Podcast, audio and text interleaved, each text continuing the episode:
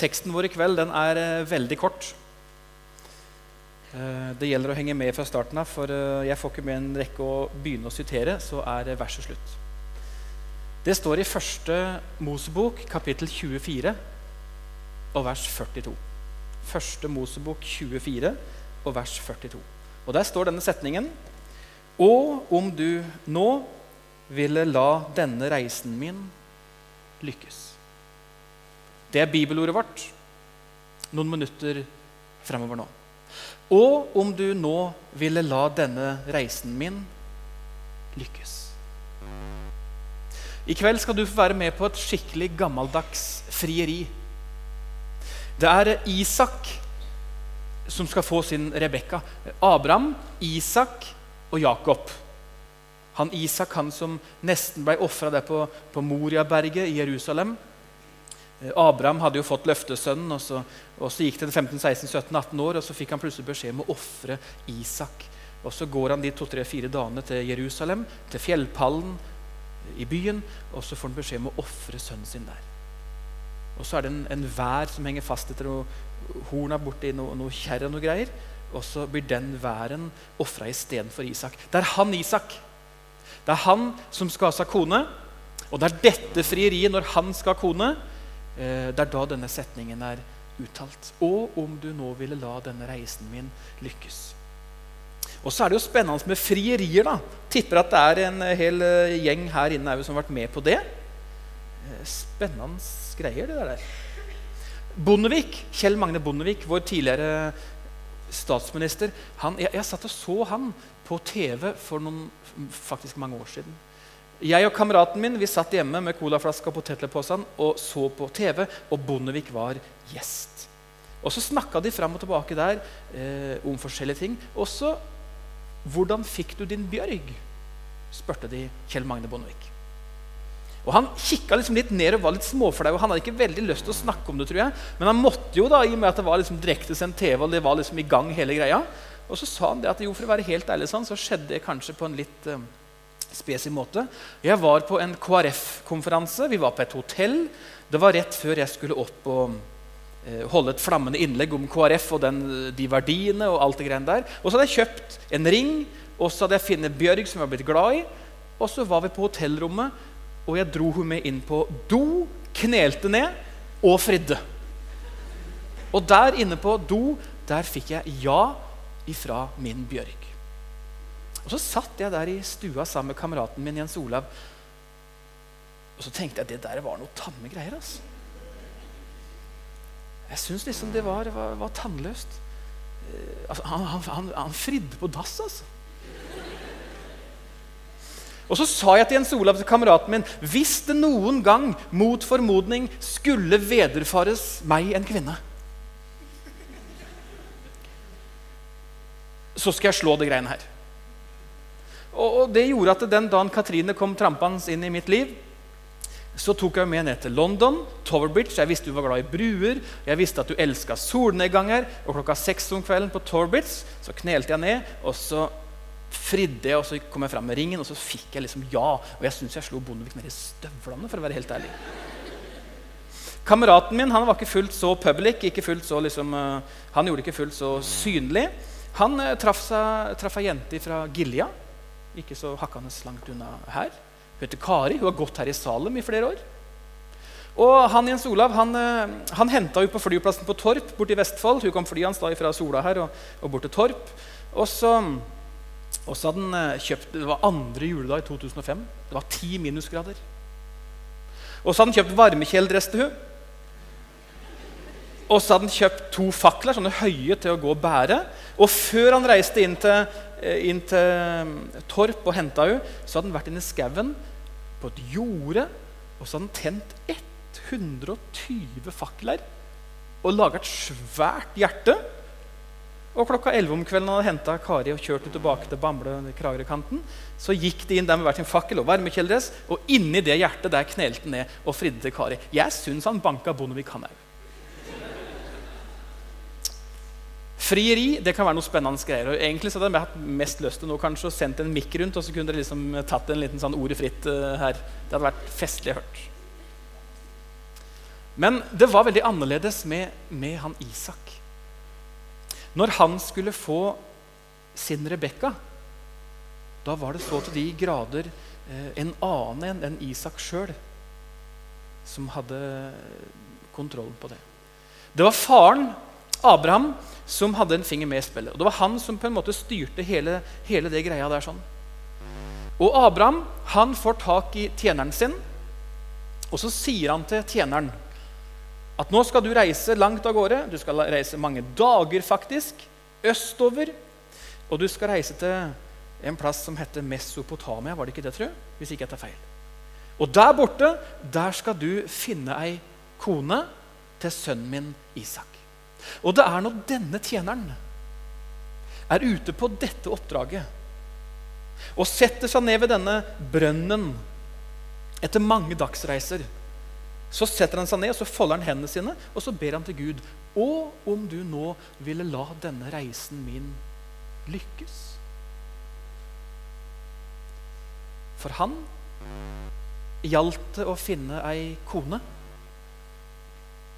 til Isak.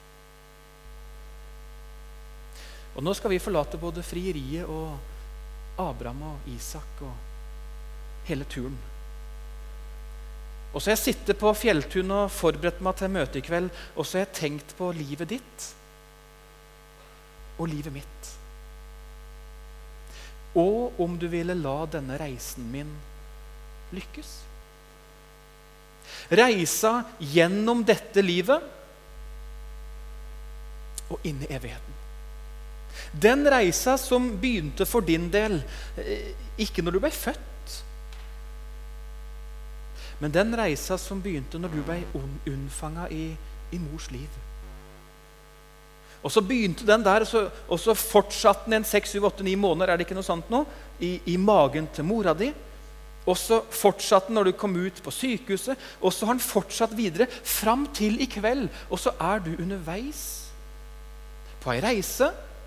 Og den reisa den fortsetter du med. Jeg vet ikke hvor lenge, spør meg ikke, jeg har ikke peiling. Men den reisa fortsetter du på i kveld og videre. Helt til du en dag møter døden her på jord. Eller Jesus kommer igjen og henter sine. Og så skal du over og inn i evigheten. Og der du kommer da, der skal du være for bestandig. Og det er den reisa jeg snakker om nå. Den reisa som begynte når du ble unnfanget i mors liv, den som varer videre, den holder på i kveld. Ditt liv, din reise, og den som ender en gang i evigheten. Og om du ville la denne reisen min lykkes.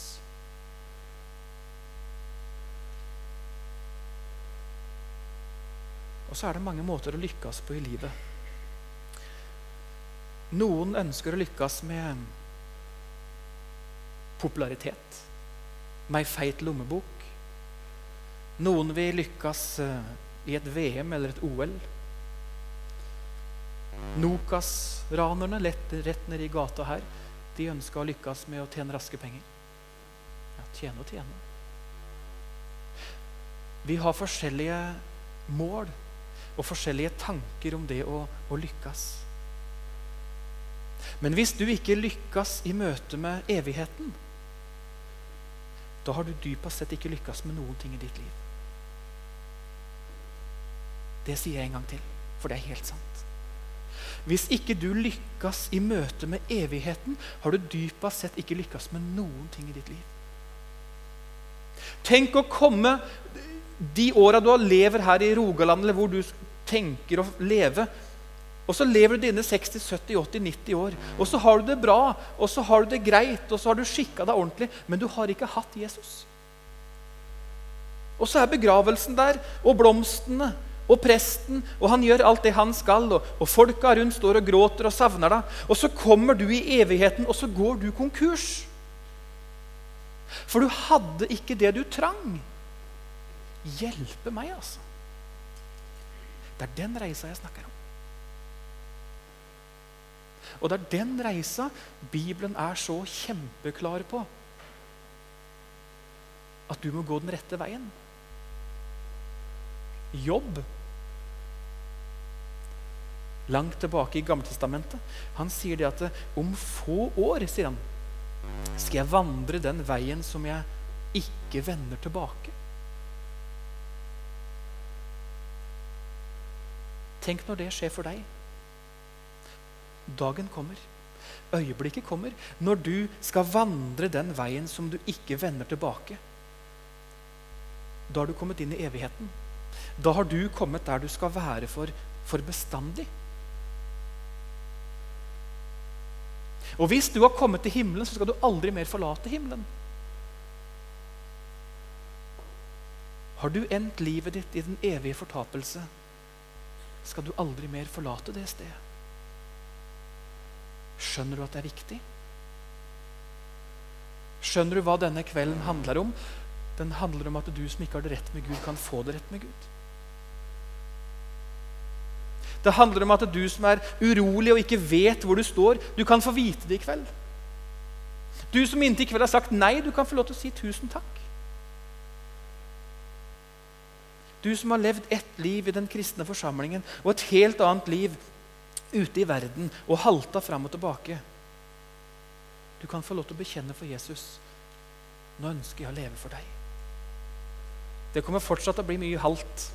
Det kommer fortsatt til å bli mange ting som ikke jeg klarer å leve rett og, og, og strakt i sammen med deg.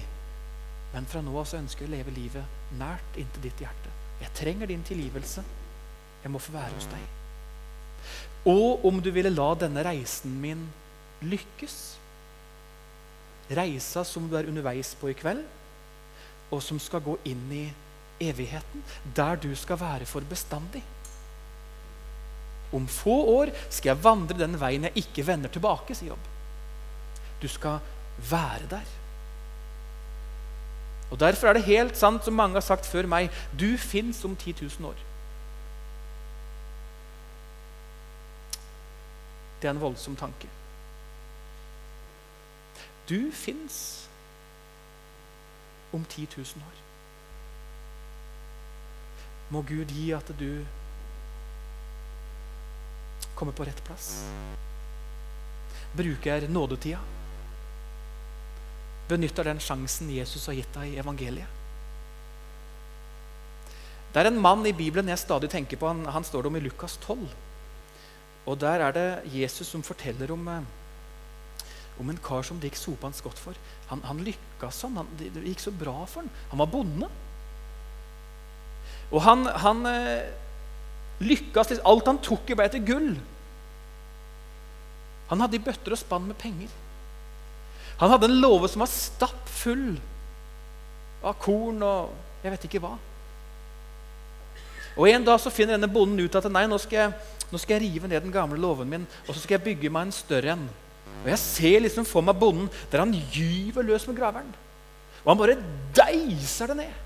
I hovmodighet og i stolthet og i, i pågangsmot. Så drar han det ned alt sammen, og så får han tak i noen snekkere. Og så er det noe to, fire, halvannen, seks og tre kvart åtte, eller hva det heter. Og så er det opp med en ny låve. Og så er det forfylt den låven igjen. Og så lener han seg tilbake i stresslesten. Og så snakker han til seg sjøl. Slå deg til ro. Et, drikk og vær glad. Det har lykka sånn for deg. Ta så Slapp av litt nå. Det har gått veldig bra for deg. Og der i stresslesten, der er det Gud kommer. Midt i hverdagslivet hans så kommer Gud. Du dåre, i denne natt kreves din sjel av deg.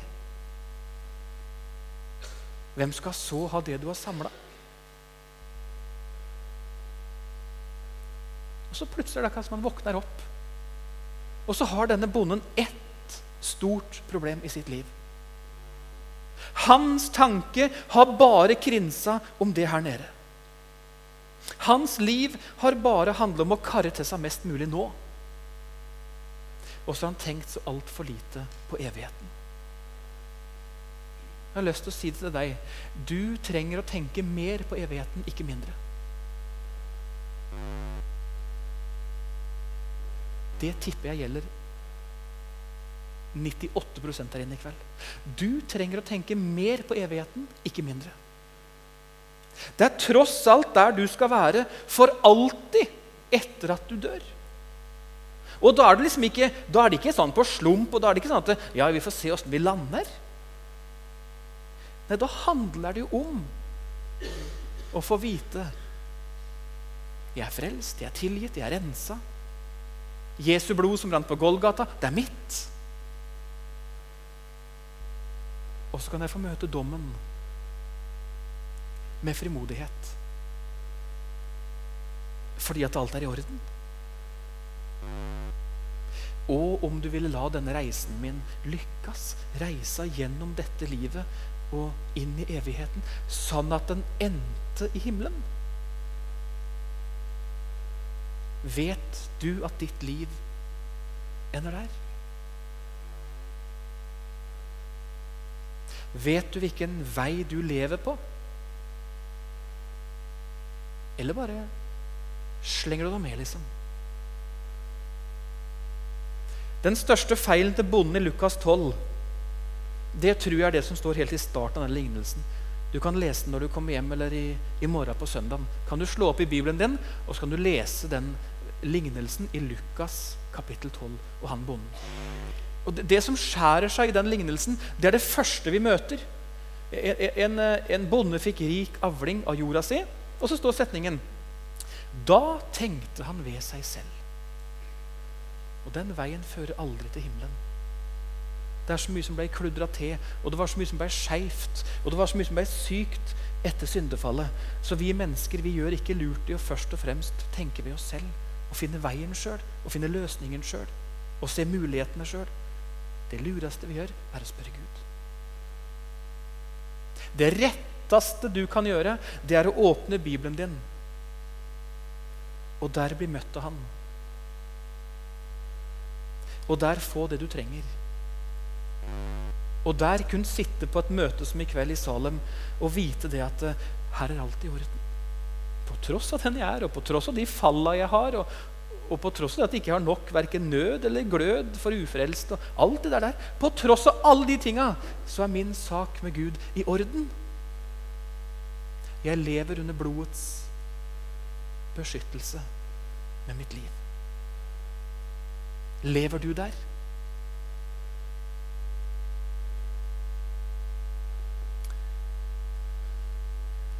Det står i Bibelen han som reiser den ringe av støvet. Og den fattige opp av søppelhaugen. Salme 113. Sånn jeg ser i Bibelen, og sånn jeg har erfart i mitt eget liv, så tror jeg av og til at noe må bli tatt litt ifra oss. Før Jesus kan eh, gi oss det han ser vi trenger. Fordi at jeg hadde en lang periode i tenåra mine der liksom jeg, jeg sto der med fulle hender jeg, og fullt hjerte framfor Jesus. Og så fikk ikke han gi meg det jeg trang, for jeg, jeg, jeg ba, og jeg prøvde å angre. og Jeg, jeg syntes jeg trodde greit. og Jeg ga penger til misjonen, og bøssa gikk rundt. Og, og så sto jeg der mange år liksom med hele min kristendom. Og så skjedde det en kveld på Fjelltun bibelskole når Jacob Middleton sto og, og underviste, at plutselig så var alt tatt ifra meg. Og så fikk jeg se mine ureine motiv, og så fikk jeg se alt som var skittent. Og så fikk jeg se alt som ikke, ikke funka i møte med en hellig Gud, som ikke tåler synd. Da var det plutselig at jeg var den ringe. Da var det plutselig at jeg var den fattige som han fikk, fikk løfte opp av, av søppelhaugen. Og jeg som ingenting hadde, jeg fikk eh, ta imot alt sammen. Da ble livet mitt nytt. 11. september 2001. Mohammed Atta og hans 17 venner har kapra fire fly. Klokka er halv ni om morgenen i Stavanger. Halv tre om ettermiddagen. Motsatt. Unnskyld. Den er halv ni om morgenen i USA, og den er halv tre om ettermiddagen i Rogaland. Fire fly er kapra. To fly går i World Trade Center. Ett fly går i Pentagon. og et fly lander på et jorde i Pennsylvania. Terroranslag mot World Trade Center. 2801 mennesker ligger døde der. Denne dagen er eh, en far og en sønn på jobb i New York. Lee Elpy og Jonathan Elpy. Far og sønn. Begge to er brannmenn. Når katastrofen er et faktum, så får far, Lee Elpy, han får beskjed om å gjøre et oppdrag én plass. Og Jonathan han får beskjed om å springe inn i World Trade Center prøve å få berga ut flest mulig fortest mulig. Jonathan springer inn. Det går noen minutter, og så rauser bygningen. Og der ligger han. Faren uh, Lee han går én dag og leiter etter gutten sin. Han går to dager. Han går tre dager. Han går én uke. Han går to uker, han går tre uker og leiter etter gutten sin iblant vrengt stål, knuste PC-er og det som verre er. Han går én måned, han går to måneder, og han går tre måneder og leiter. Og på dagen tre måneder etter katastrofen, 11. desember, så finner han gutten sin liggende iblant ruinene. Han bærer den ut, tråkker over alt grapset. Han blir begravd.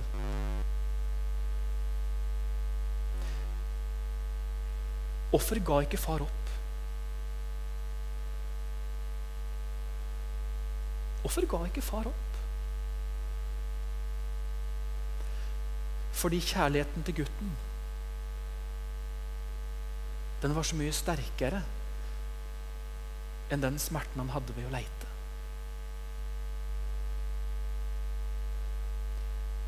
Og så kommer Jesus ned til vår jord. Og så blir han møtt med en skitten stall. Og så er det ikke rom for han i herberget. Ordføreren i Betlehem enser ikke tanken på et fakkeltog. Det er ingen som har satt i gang en velkomstkomité og fest når Jesus forlater himmelen og kommer ned på vår jord for å kjøpe deg og meg fri fra dommen. Jesus kunne ligge der i krybba og sagt 'hit, men ikke lenger'. Jeg går ikke med på det her. Jeg er vant med noe annet. Tenk når spytteklysene hagla. Tenk når Jesus satt der i snekkerverkstedet til faren sin. Og så måtte han gå rundt og, og, og sope spon. Jesus kunne sagt 'hit, men ikke lenger'. Jeg vant med noe helt annet. Tenk når barndomskameratene til Jesus de sitter der, og de pugger Jesaja 53.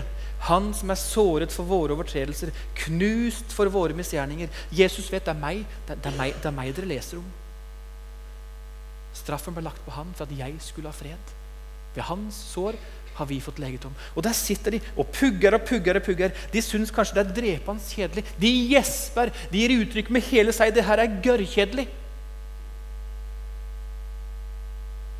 Jesus kunne sagt 'hit, men ikke lenger'. Jeg er vant med noe helt annet. Allikevel, han gjør ikke det. Han går hele veien, og han går helt til Golgata. Og han strekker ut sine armer, og kroppen vrir seg i smerte. Og blodet renner, og han blir forlatt av far. Hvorfor gjør han det? Hvorfor gir han ikke opp Jesus? Svaret er veldig enkelt. Fordi hans kjærlighet til deg Den er så mye sterkere enn den smerten han måtte gjennom. Han elska deg så uendelig høyt. Det var så om å gjøre for han å, å vinne din udødelige sjel. Han orka ikke tanken på at du skulle gå fortapt. Han orka ikke tanken på at du automatisk bare skulle reke med hele gjengen i den evige fortapelse. Han måtte gi deg en mulighet til redning. Ærlig talt, folkens. Det er vel ditt?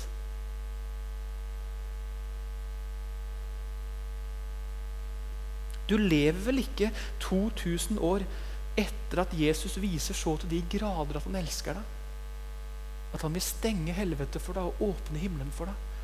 Du lever vel ikke 2000 år etterpå det, og så sier du nei takk? Og så bryr du deg ikke? Og så tenker du jeg skal fikse det en annen gang. Jeg skal ordne det på en annen måte. Og om du vil la denne reisen min lykkes. Du trenger Jesus. Uansett hvem du er, om du er student eller om du jobber, om du er gift eller ugift, om du er jente eller gutt. Du trenger Jesus i dette livet, men du trenger den framfor alt i møte med evigheten.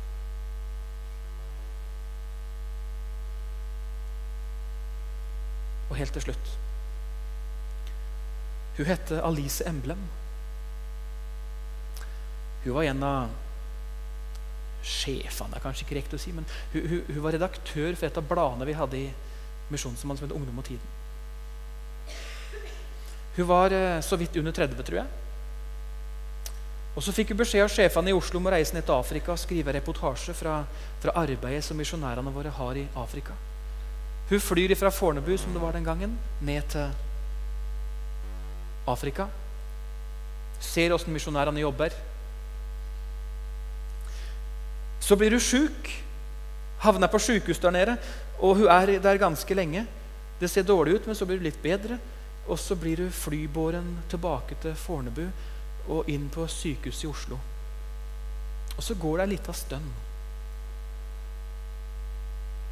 Og så kommer Jesus og henter Alice hjem til seg. Midt i tjenesten for Jesus. Spør meg ikke hvorfor. Jeg har ikke, jeg har ikke noe svar på det. Noe av det siste Alice gjør før hun dør på sykehuset, det er at hun skriver i det bladet som hun var redaktør for Ungdom og Tiden, som ble sendt ut til 3000 mennesker over hele Norges land, ungdommene våre i Misjonssambandet. Det siste hun skriver ifra sykesenga si Kanskje bare noen få dager før du går inn i evigheten og møter Gud. Det er følgende Jeg ønsker å leve livet mitt sånn at hvis jeg våkner i morgen tidlig, så er Jesus hos meg. Men hvis jeg ikke våkner i morgen tidlig, så er jeg hos Jesus.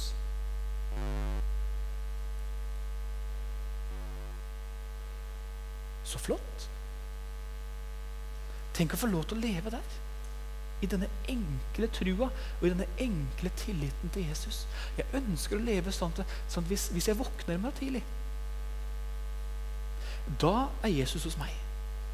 Men våkner jeg ikke i morgen tidlig, da er jeg hos Jesus.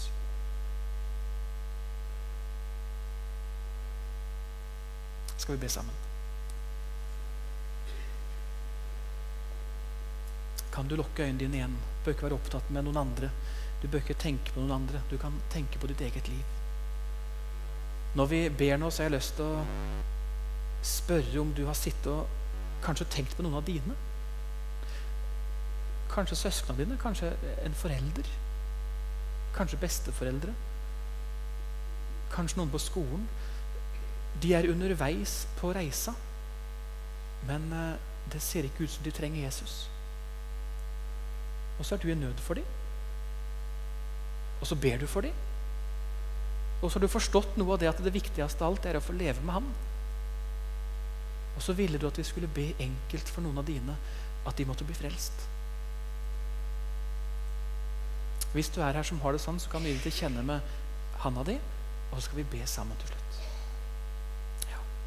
ja. Mange hender. Ja. Gud ser den enkelte der oppe. Ja, Gud velsigne dere. Ja. Ja.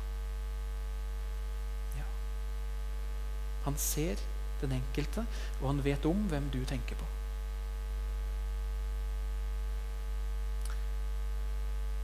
Sitter du her som, eh, som ikke vet hvor du står hen i ditt forhold til Gud? Du ønska kanskje å være frelst, men, men du har ikke frelsesvisshet. Og du har aldri fått landa i Guds nåde, og du har aldri fått hvile i evangeliet. Tenk at Gud spanderte en hel kveld på at du kanskje skulle få komme inn til ham. Nettopp at du skulle finne hvilen i evangeliet og få slå til ro i det fullbrakte som han har stella med for deg. Hvis du sitter her og ikke vet hvor du er i forholdet ditt til Gud, og så ønska du enkelt at du skulle be for deg, at han måtte få vise deg for deg på en sann måte at du fikk ro, at du fikk trygghet Kan du gi det til kjenne, du òg? Skal vi be? Folk er i bønn. Ingen er opptatt med noen andre.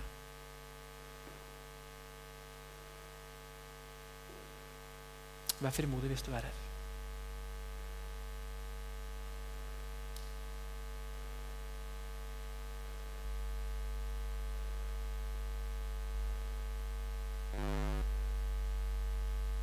Kjære Jesus.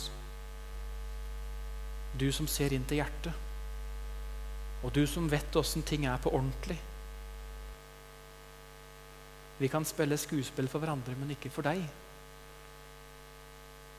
Og så ber vi for våre nå, Jesus. Vi hadde noen vi var i nød for, og noen som vi kjempa for, og noen som vi ba for, som ikke var på veien med deg. Kan du etterjage dem, og kan du kalle dem inn? Kan 2012 få bli et år der vi fikk se noen av våre på kne for deg, Jesus? Vi lengta etter det.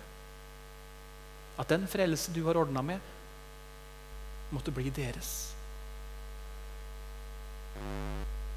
Og så ser du oss, Jesus, åssen vi lever. Og du ser åssen vi har det på innsida. Og du ser om det var noen som kjempa. Og som midt i flokken i kveld satt her full av nød og full av uro og full av frykt. Åssen skal det gå med meg? Takk, Jesus, at du er denne far som står med åpne armer og sier velkommen. Jeg har gjort alt for deg. Jeg elsker deg. Golgata er nok for deg. Du skal få leve i min nåde. Takk at du er den som innbyr. Takk at du er den som tilgir. Og takk at du er den som gjør oss rede for himmelen.